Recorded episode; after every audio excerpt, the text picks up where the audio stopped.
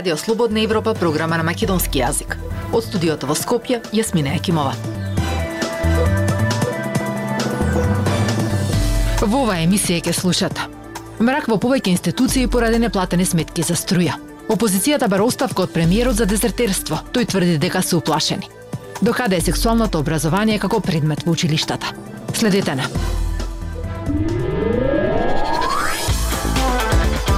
Независни вести и анализи за иднината на Македонија. На Радио Слободна Европа и слободнаевропа.мк. Повеќе институции во земјава се во мрак, бидејќи им исклучена струјата за неплатени сметки. Па така, пробите во албанскиот театар се одржуваат како во 19 век, само додека има дневна светлина, затоа што им исклучија струјата. Уште најмалку 16 институции се без струја, а дури 184 се големи должници. Прилог на Средјан Стојанчов. Како во времето кога е напишана на преминот од 19-тиот во 20-тиот век, албанскиот театар од Скопје ја спрема премиерата на три сестри во режија на Кендри Мрјани. Драмата за сестрите Олга Маша и Ирина на Антон Павлович Чехов, напишана во 1900 година, се подготвува без струја, откако минатата недела театарот беше исклучен поради неплатени сметки. Високите сметки за струја замрачија повеќе институции во земјава. Актерот Фисник Зекири вели дека пробите ги прават преку ден додека се гледа, но не се сигурни кога ќе биде премиерата. Се надеваат дека ќе добијат струја до крајот на неделава. Моментално проби пред ден, од Сабајле до 4, сеп има светло од сонцето.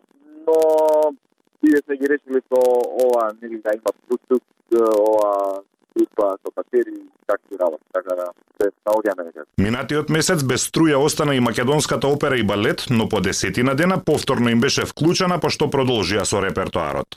Министерството за култура денеска соопшти дека со внатрешна прераспределба на буџетот нашле пари за плаќање на сметките и враќање на струјата во двете институции.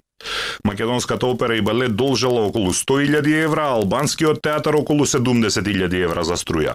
Во Министерството велат дека и покрај поскапувањето обезбедиле пари за редовно плаќање на сметките. Не се очекува каков било прекин на работата на институциите од културата, велат во Министерството. Во Евана, најголемиот снабдувач со струја во земјава, велат дека не знаат колку јавни и државни институции се исклучени од другите снабдувачи, но од Икајниф има 430 корисници во крајен случај, од кои 186 се државни и јавни институции. Сите тие се големи должници. Исклучени се 23 мерни места, а 16 од нив ги поседуваат државните и јавни институции, велат во Евана. Тие не ги откриваат имињата на најголемите должници поради доверливост, но велат дека меѓу нив има и такви кои не смее да им биде исклучена струјата. Според законот, струја не смее да им биде исклучена на болници и други здравствени установи, објекти за водоснабдување и пречистителни станици, железници и така натаму. Аде водостопанство, фирмата која управува со каналите за наводнување во земјава, должи скоро 2 милиони евра за струја. Македонски железници транспорт, фирмата која управува со железничкиот сообраќај, меѓу што и електричните возови, должи 1,3 милиони евра. Здруженијето на јавни комунални предпријатија минатата недела се пожали дека предпријатијата се пред банкрот поради високите сметки за струја, кои се и до 10 пати повисоки од лани. Во владата уште во петокот прашавме колку јавни и државни институции се исклучени од струја поради неплатени долгови, колку пари должат и како ќе продолжат да функционираат без струја, но до објавувањето на оваа емисија не добивме одговор. Граѓаните плаќаат струја која е субвенционирана од државата, но фирмите набавуваат на слободниот пазар, а цените сега се неколку пати повисоки од минатата година. Слободна Европа. Следете на на Facebook, Twitter и YouTube. Опозицијата покажа лекарски документ за трајна неспособност, со кој тврдат дека премиерот Ковачевски го избегна одслужувањето на војниот рок за време на конфликтот во 2001 година. Премиерот пак обвини за злоупотреба на здравствен проблем, односно дека тогаш имал хируршка интервенција. За тоа дали се работи за политички игри или непочитување на закони, повеќе од прилогот на Марија Тумановска. Покажувајќи документ од евиденционата книга на армијата на Република Македонија, Драган Ковачки од ВМРО ДПМНЕ од партиската говорница го обвини премиерот Димитар Ковачевски за избегнување на воениот рок и дезертирство. Од овој документ јасно се гледа дека Ковачевски од страна на лекари е прогласен за трајно неспособен. Ова води до два заклучока. Или Ковачевски го злоупотребил влијанието на татко му кој тогаш бил градоначалник на Куманово и партиски функционер на СДС и добил лажно лекарско мисење, или тој на вистина е трајно неспособен. Опозицијата тврди дека Ковачевски свесно го избегна служењето на војниот рок во периодот на конфликтот во 2001 година. Со реакција се јави и премиерот Димитар Ковачевски. Тој вели дека ВМРО ДПМН не бира ниту средства, ниту начин за да го сврти вниманието на јавноста од големите корупцијски скандали и превирања во нивната партија и додава дека како председател на СДСМ никогаш нема да дозволи политичката дебата да падне толку ниско како што посакува ВМРО ДПМН. Никогаш не сум избегнувала ниту бегала од одговорноста за служење на војниот рок. Само нечисни и уплашени луѓе злоупотребуваат нечи здравствен предизвик и после последователна хирушка интервенција од пред 20 години за да го прикријат својот срам и криминал но не сум изненаден. Не сум изненаден и за сите други лаги, клевети, лажни вести и манипулации од ВМРО ДПМН. Но и покрај ваквите информации од двете страни се уште не е јасно дали таа хируршка интервенција за која зборува премиерот му донела трајна неспособност како што тврди ВМРО ДПМН или на крајот сепак се работи само и исклучиво за политички игри смислени во партиските кујни. Ако некој дезертирал од армијата или не се јавил на обврската, има закони во државата кои што треба да се применуваат. Денес, после 20 20 и неколку години. Депласирано е да зборуваме за улогата на поединци во конфликтот од 2001 година. Меѓутоа, најпогрешно од се е веројатно за тоа да слушаме на партиски пресконференции. Имало Министерство за одбрана кое што можело да поведе постапка. Вели професорот Никола Дујовски. Од партијата на Ковачевски велат дека станува збор за измислици со кои опозицијата се обидува да направи дефокус од расколот меѓу ВМРО ДПМН и градоначалничката на Скопје Данила Арсовска. Низ градот Деновиве се поставија и билборди со ликот на лидерот на ВМРО ДПМН е Христијан Мицкоски, на кој пишува пари, тендери, кој е шпицен градоначалник.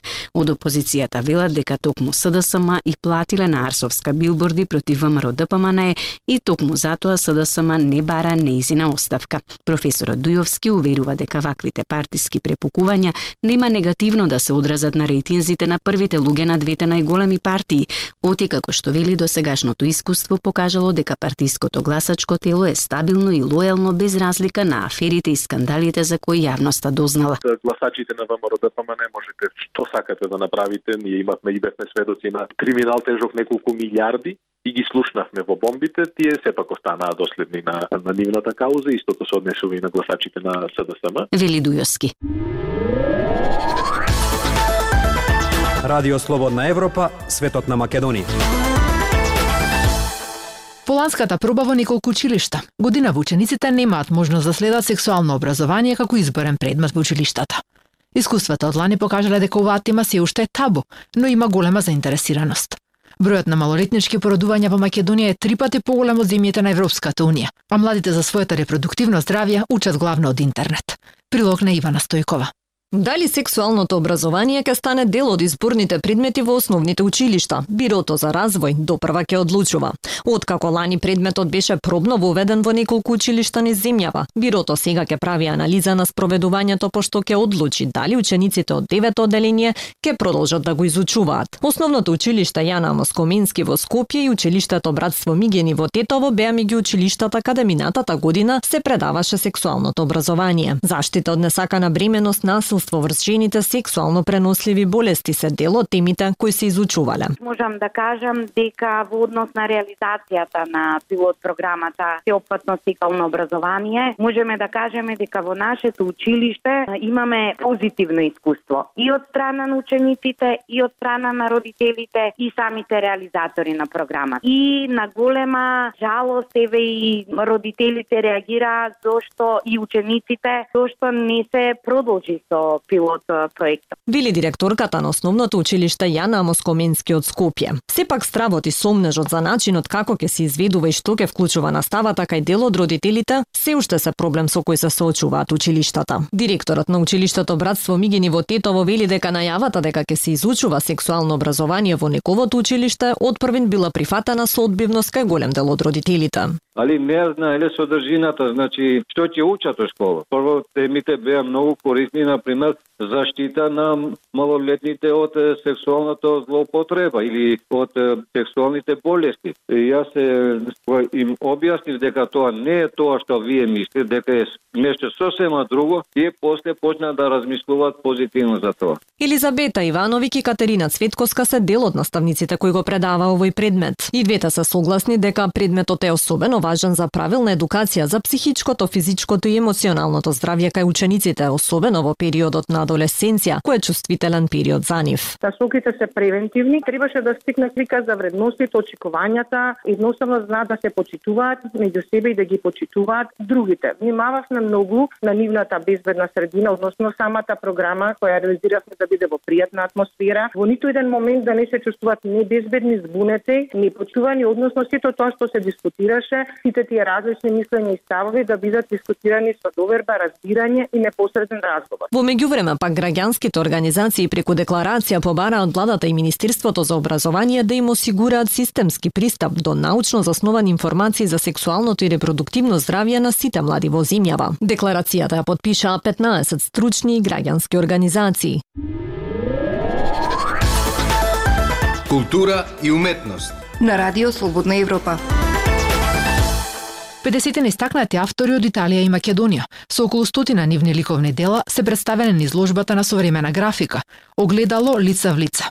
Изложбата се отвори на 15 септември во културно-информативниот центар во Битола, а граѓаните ќе можат да ја видат во следните два месеци. Повеќе од прилогот на Лјупче Јолевски.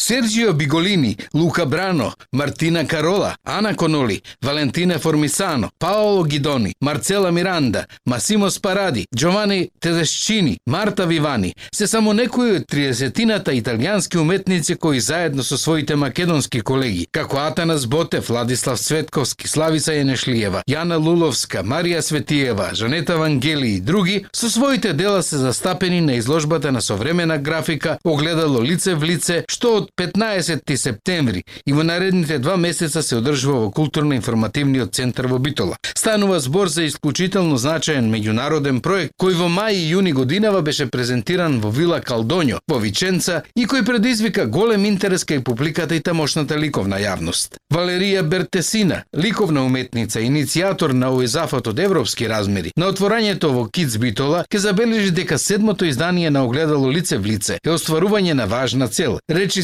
остварување на еден Хипократов циклус. Оттаму, таа за затворањето на овој круг посакала тоа да се случи во првата земја која била поканета да го отвори проектот Mirror Face to Face во 2016 година во Македонија. Оттаму ќе запише: Сметав дека е значајно да се затвори кругот со појдомната земја како своевидно враќање кон корените, но и како желба за нов почеток. Добре дојде назад Македонија. Владо Ѓорески, уметнички раководител на меѓународното графичко триенале Битола, со работник и коавтор на оваа изложба, забележува дека огледало лице в лице по својот обем, естетика, размислување и творечки достигања е значаен ликовен настан кој што ги надминува границите на Македонија, потврдена во Италија, а според огласите во странските медиуми има актуелност и значење со меѓународен контекст кој што е во најафирмативна насока во истакнувањето и сериозноста на актуелното графичко творештво во Македонија. Тој потенцира дека поставката содржи одреден екстракт на генезата на македонското творештво, особено графичкото, која со сеизмографска точност ја регистрира се вкупната насока на творечкото и креативното движење во контекст на македонското ликовно милје. Ова изложба е исклучително значајна, бидејќи најафирмативно ја потврдува позицијата на македонската графика во светски рамки која без никакви дилеми е на најравноправно ниво со се она што се случува во историскиот контекст на денешното креативно размислување, живење, постоење. И така, изложбата е значајна и поради својата единственост како европско движење кое ги обединува творечките пулсирања, творечките пораки и обраќања на уметниците кои имаат одредени тестаментални значења во грижата, мислата, достојувањето кое е како своевидна графика молитва за нашето вистинско обстојување наспроти се и нас проти купните деструкции кои ни се случуваат секојдневно со планетна масовна катастрофична. Истакнува Ѓорески. Тоа беше се што ви подготвивме за оваа емисија. Од студиото во Скопје со вас беа Јасмина Екимова и Дејан Балаловски. До слушање.